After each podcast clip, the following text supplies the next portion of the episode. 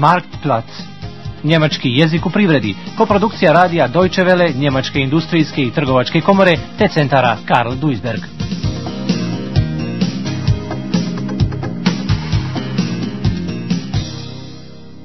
Sedma lekcija.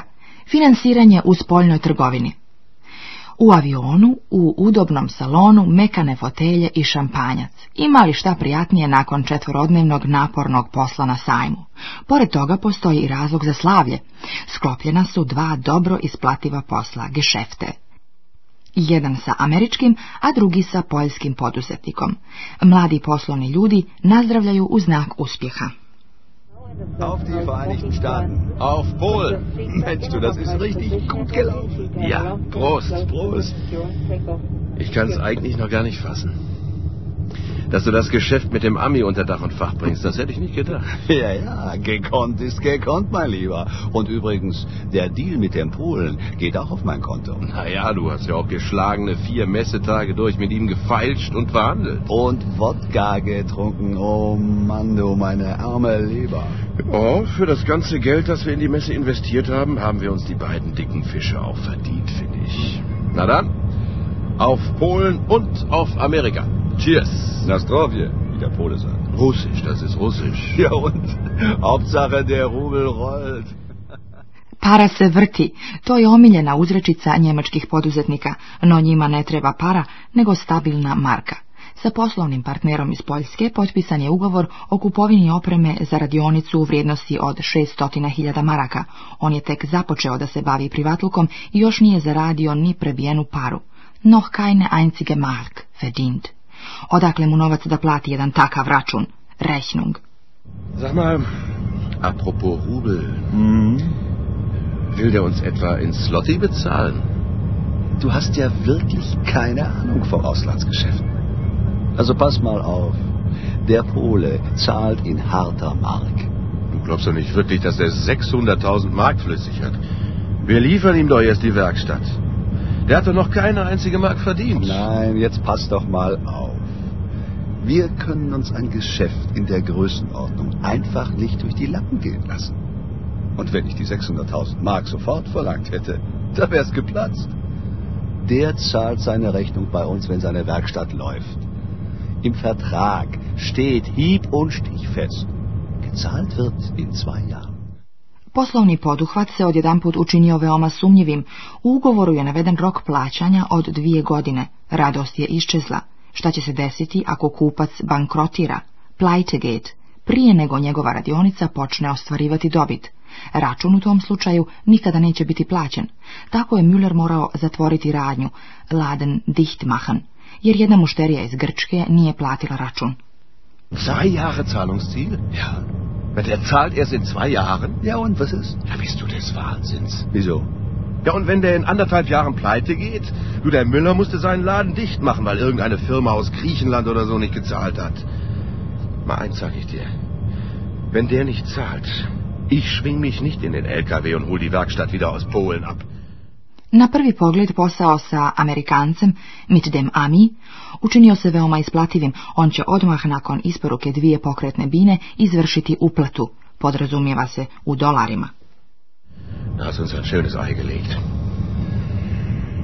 Aber was ist aber eigentlich mit dem Ami ausgemacht? Zahlt er etwa auch erst in zwei Jahren? Na, reg dich doch nicht so auf.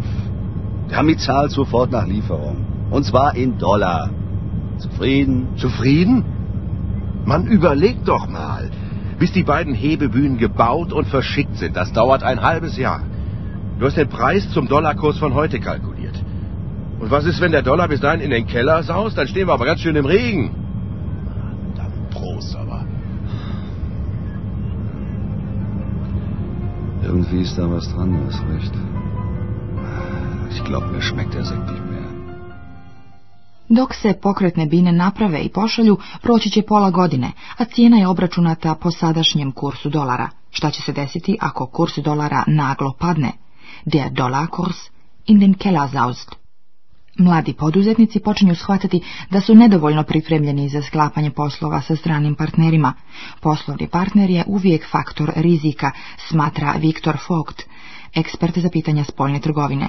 Pred sklapanje posla trgovac se mora informisati, sich informieren, da li je mušterija, kunde, platežno sposoban, zahlungsfähig. Rizik se pojavljuje kada dođe do pomjeranja rokova za plaćanje. Rizik u pogledu transfera novca zavisi od toga u kojoj se valuti i na kojoj bazi posao sklopio. Pored toga postoje manje riskantne i posebno riskantne zemlje. Es gibt natürlich erstmal das Risiko des Kunden. Generell ist das also ein Kunde, dem man vertrauen kann. Wenn es ein Anfänger ist, dann kennt er diesen Kunden ja in der Regel nicht und äh, da ist man gut beraten, wenn es ein größeres Geschäft ist, dass man sich über den Kunden erstmal informiert, ist der zahlungsfähig oder nicht.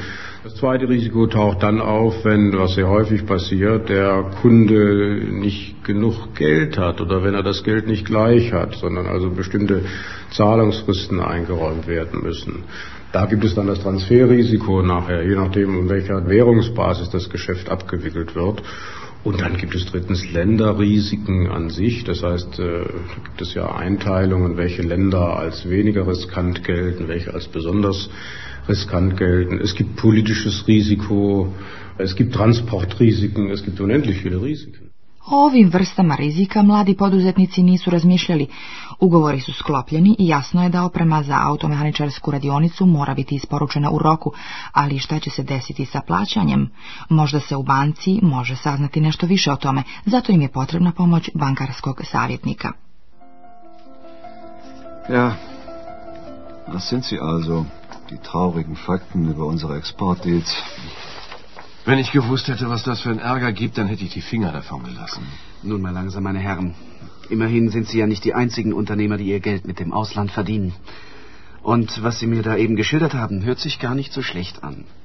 Da gibt es schon Mittel und Wege, dass Sie an Ihr Geld kommen. Meinen Sie wirklich? Sicher. Aber was passiert denn, wenn unser polnischer Kunde tatsächlich nicht zahlt? Hm. Ja, ich verstehe Sie. Das Risiko, dass Ihr Abnehmer nicht zahlt, dürfen wir nicht einfach ignorieren. Aber gegen sowas kann man sich ja versichern. Wie? Ja? Eine Versicherung gegen faule Exportkunden? Wer macht denn sowas? Postoji osiguranje, Versicherung, u slučaju poslovnog rizika, ukoliko kupac, Abnehmer, iz bilo kojih razloga ne plati, nicht zahlt, Osiguravajući kreditni zavod Hermes iz Hamburga po nalogu njemačke vlade preuzeo je poslove oko osiguranja u oblasti izvoza. 1995. godine ovaj je zavod platio skoro 4 milijarde maraka duga njemačkim poduzetnicima koje kupci, poručioci iz inostranstva nisu izmirili. Osiguranje Hermes pokriva cirka 5% izvoza. Ograničenja, beschränkungen, postoje prilikom trgovine sa zemljama takozvanog velikog rizika, hochriskant, poput Kube ili zemalja u kojima se vodi građanski rat, Bürgerkrieg. O tome Ulrich Benz, ekspert za spoljnu trgovinu Njemačke banke, kaže. Hermes deckt grundsätzlich deutsche Exporte, aber es gibt natürlich Grenzen. Es gibt, Hermes nimmt nicht jedes Länderrisiko zum Beispiel in Deckung, um ein aktuelles Beispiel zu geben. Sie können zum Beispiel keine Geschäfte in Deckung nehmen lassen mit Kuba. Geschäfte, die politisch hochriskant sind, äh, Geschäfte, in denen Bürgerkrieg herrscht. Da gibt es also entweder Ausschlüsse oder Beschränkungen. Država potpomaže eksport, tim prije što je on za njemačku privredu od životnog značaja. Samo u 1995. godini u inostranstvu su njemački poduzetnici prodali robe i usluge u vrijednosti od preko 720 milijardi maraka. Za naše početnike u poslovnim izvozima koji su prodali opremu za automehaničarsku radionicu u Poljskoj je 600.000 maraka ogroman iznos. Oni su se stoga osigurali kod Hermesa protiv poslovnog rizika i to ih je koštalo 15.000 maraka. Oprema je dakle prodata kupcu, ali oni je najprije moraju proizvesti. Da bi je proizveli, oni najprije moraju uzeti kredit, kredit aufnehmen. Ali od koga? U matičnoj banci već je iscrpljen kreditni limit. Kreditlinije ausgeschöpft. So weit, so gut. Bleibt nur noch die Frage, ob wir die 600.000 Mark für das Geschäft mit den Polen zwei Jahre lang vorschießen können. Die müssen wir ja selber als Kredit aufnehmen. Sind das überhaupt noch drin?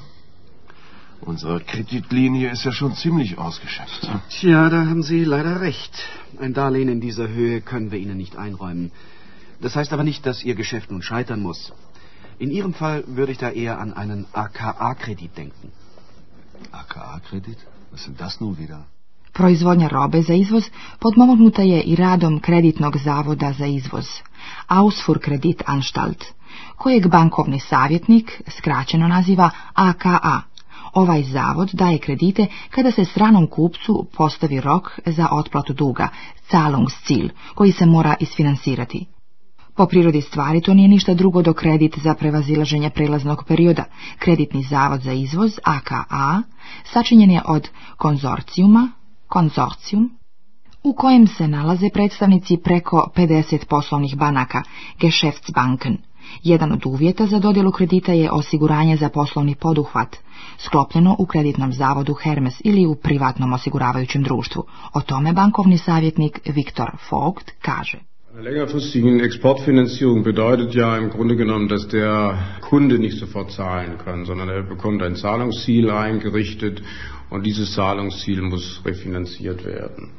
Und der Lieferant, der Exporteur hier kann einen Kredit beantragen bei längerfristigen Laufzeiten. Im Grunde genommen beginnt das bei einem Jahr, wenn die Laufzeiten so lange sind. Und diese Überbrückungskredite kann er sich zum Beispiel bei der AKA besorgen. Die äh, ist ein Konsortium der Geschäftsbanken. Ich glaube, über 50 Banken sind da drin und er kann sich da einen Kredit beantragen. Den Kredit bekommt er in der Regel auch, wenn er, und das ist eine der Voraussetzungen, sich dieses Geschäft auch abdeckt durch Hermes oder durch auch einen privaten Kreditversicherer. Za jednu firmu koja se bavi izvozom, veoma je važno da se obrati banci prije potpisivanja ugovora sa kupcem kako bi se posavjetovala, beraten. Greške, fela, se skupo plaćaju. Dobit, gewin, može biti veća ukoliko se svi rizici, ale riziken, blagovremeno razmotre sa ekspertom za ta pitanja, zaključuje Ulrich Benz, službenik Njemačke banke Deutsche Bank. dass sie zu spät kommen und dass eine Beratung zu spät anfängt, nämlich dann, wenn Verträge geschlossen sind, wenn ähm, Kurse in eine ungünstige äh, Richtung gelaufen sind. Und äh, dann wird es oftmals nur sehr schwer möglich, diese Fehler, die bei Beginn oder bei den Vertragsverhandlungen gemacht worden sind, im Nachhinein da, ähm, sie können nur noch auf Kosten der irgendwann einmal äh, kalkulierten Gewinnmarge korrigiert werden. Das heißt, der Exporteur erzielt am Ende nicht den Gewinn, den er vielleicht hätte haben können, wenn er zu Beginn alle Risiken mit einer Bank besprochen hätte.